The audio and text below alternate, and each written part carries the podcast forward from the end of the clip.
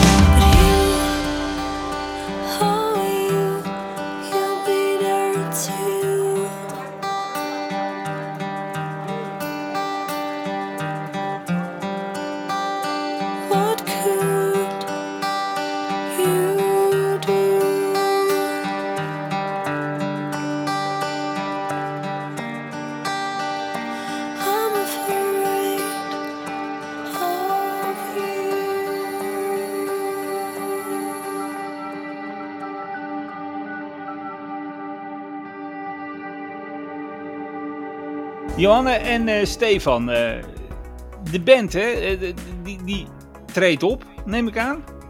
Ja. Hebben jullie ook veel optredens? Ehm, nou, we zijn al best wel een beetje beginnend met optredens. Maar ja, we hebben er nu drie gehad. En ehm, ja, we gaan... we hebben nog een paar op, het, op de planning staan. Dus we gaan wel lekker. Hoe, hoe hoe komen jullie nou in die optredens? Ja, ik heb eh, contacten.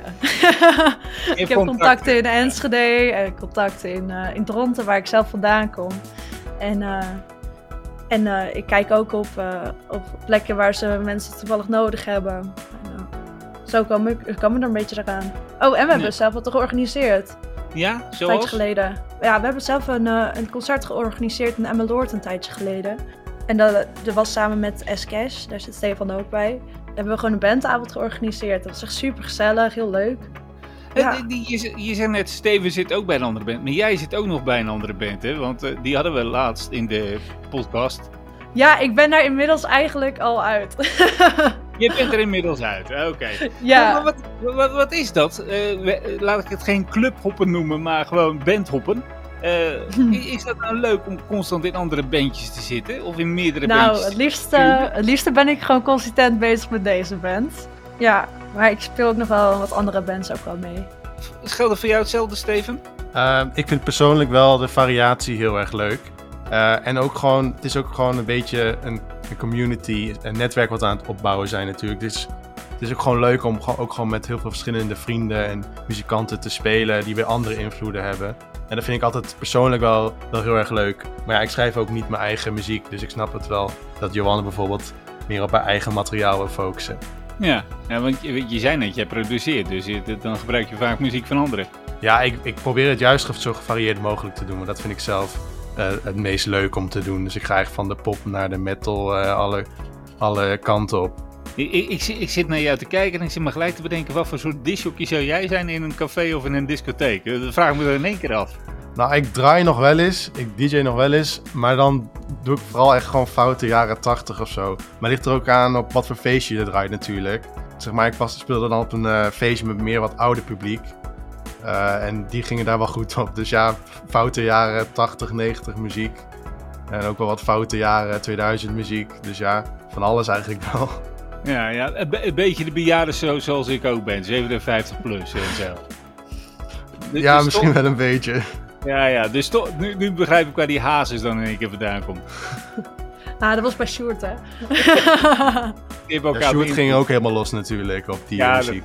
Ja. Ja, dat is hey, maar even, even, even terug, want eh, eh, wij hadden een voorgesprek en toen, toen zei jij, ja, we zijn eigenlijk eh, ergens mee bezig, met, met- het opmaken van een, eh, van een EP.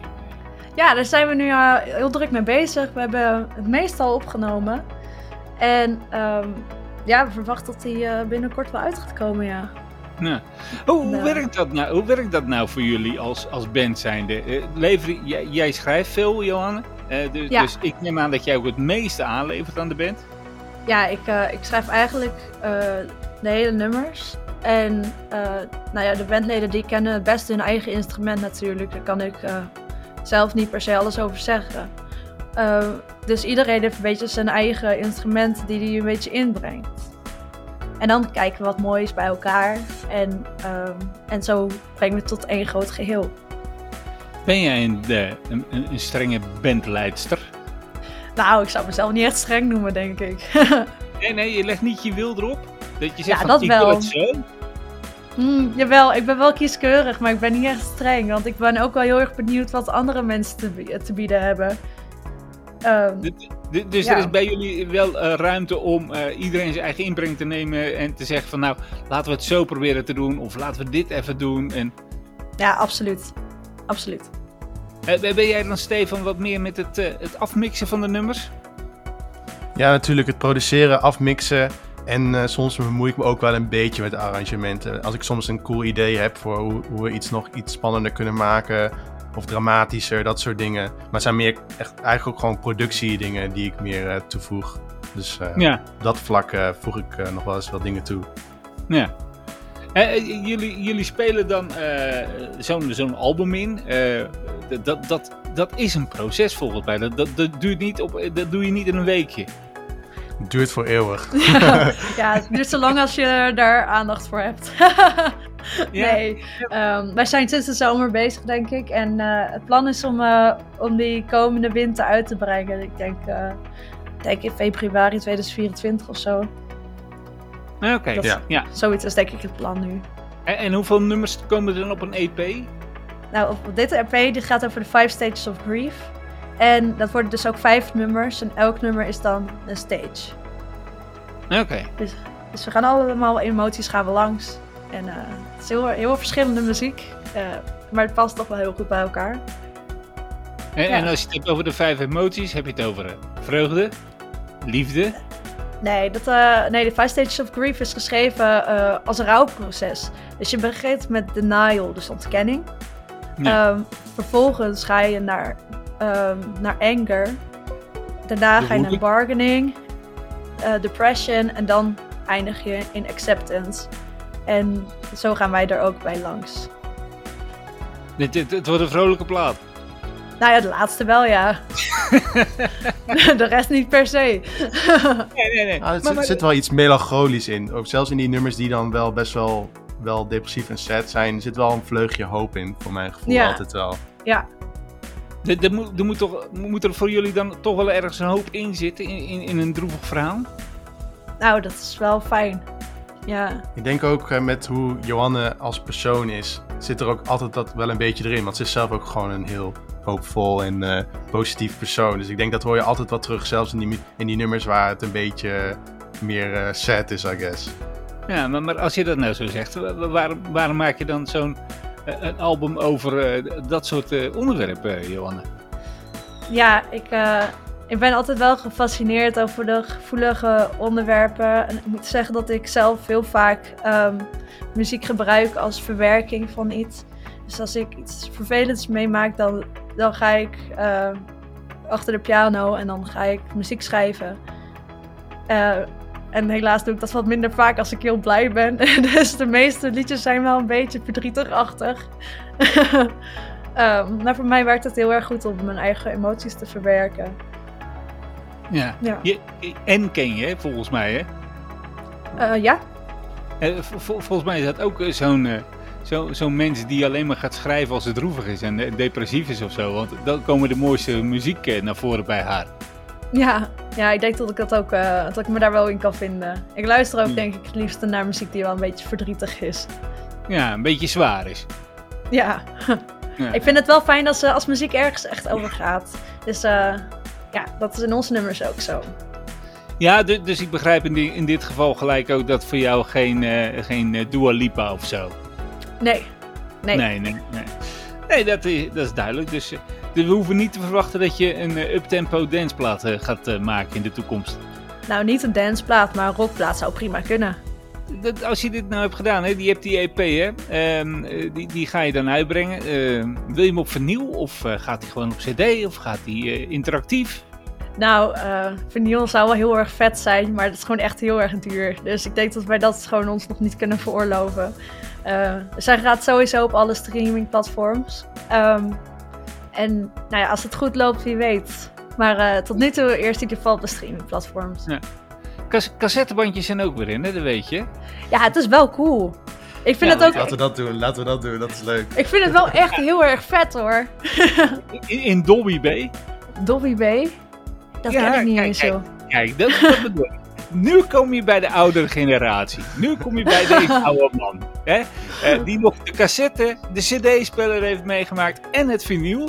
En nu weer terug gaat naar het vinyl. Kortom, ik ben aan het herboren. Ehm, maar, eh, het- is heel simpel. Een, een cassettebandje heeft eh, Dolby B. En Dolby B, eh, heel simpel, is ruisonderdrukking. ah ja. Eerst wordt het te technisch, moet je even opzoeken. Eh, goed voor de producent in dit geval. Ik ga, ik ga onderzoek doen, ja. Ja, ja, ja, je hebt ook Dolby C, maar daar ruist het wat meer. Ja, het, het is even een beetje, maar het komt, komt allemaal goed. Kan het overigens wel mooi zijn als je een plaat uitbrengt en je wilt toch een beetje terug naar die, wat, wat jullie allebei dan een beetje hebben, die ethisch gevoel, om dat, dat, dat te proberen te produceren. Ja, daar ben ik ook altijd wel mee bezig hoor. Maar ik heb dan dingen op mijn computer die het meer laten klinken zoals dat natuurlijk. Het is niet het echte ding, maar het simuleert wel de, de, zeg maar, de dingen die, die je vroeger had. Dus eh, vroeger werd opgenomen op analoge tape natuurlijk. Ja. Dus gebruik ik plugins die dat simuleren. Of dat op ik heb ook wel een ding waardoor het klinkt als een cassette. Het klinkt helemaal verrot, zeg maar, echt zo'n verrotte cassette. Dus daar ben ik wel altijd mee bezig. Maar eh, ik hoop dat ik ooit nog een keer echt op de analoge manier kan opnemen. Gewoon om mezelf uit te dagen. Eh, er zijn nog mogelijkheden genoeg eh, daarin, kan ik je vertellen. Ja, nee, dat geloof ik. Ja. Ehm, a- als ik nou even kijk naar jullie band, hè? eh, wat, wat is dan het vreemdste wat jullie eh, bij elkaar brengt? Heb, heb- hebben jullie nog iets van, eh, van voordat jullie gaan optreden of zo, dat jullie allemaal M&M's lopen op te vreten? Of eh, vet aan de drank gaan? Of eh, eerst de snackbar onveilig maken? Nou, nee, nog niet echt, denk ik, of wel? Het is meer achteraf. Ja, Meer achteraf. achteraf. Ja? Dan gaan we wel Dan, dan, zuipen. lusten, dan lusten we wel een biertje. Dan is het tijd voor een kapsalon Eén of zo. biertje? Ja, Johanna J- jij lijkt me niet- maar- ja. als, we, als ik moet boppen, dan moet ik boppen, hè? Daar Ja. kan ik ook niks aan doen. Oeh, Jonne. Dat, dat doe je helemaal fout als bandleider. ja, het is ook wel gewoon- gezond, hè? Ja, ja, ja, maar ja. Ehm, wan- wa- wanneer kunnen we jullie... eh, Nou ja, dat, dat, dat, dat is natuurlijk eh, ergens op jullie website kunnen we jullie wel volgen, hè, denk ik. Ja, we hebben Instagram en Facebook. Dus eh, daarop sowieso. En op eh, Spotify eh, zijn jullie ook terug te vinden. Ehm, Nog nog, niet. maar dat komt er dus binnenkort aan. Al- Als mensen Ja. jullie willen opzoeken, hè, bijvoorbeeld op, op Facebook en Instagram en dat soort dingen. waar moeten ze dan naar zoeken? Wat is de bandnaam?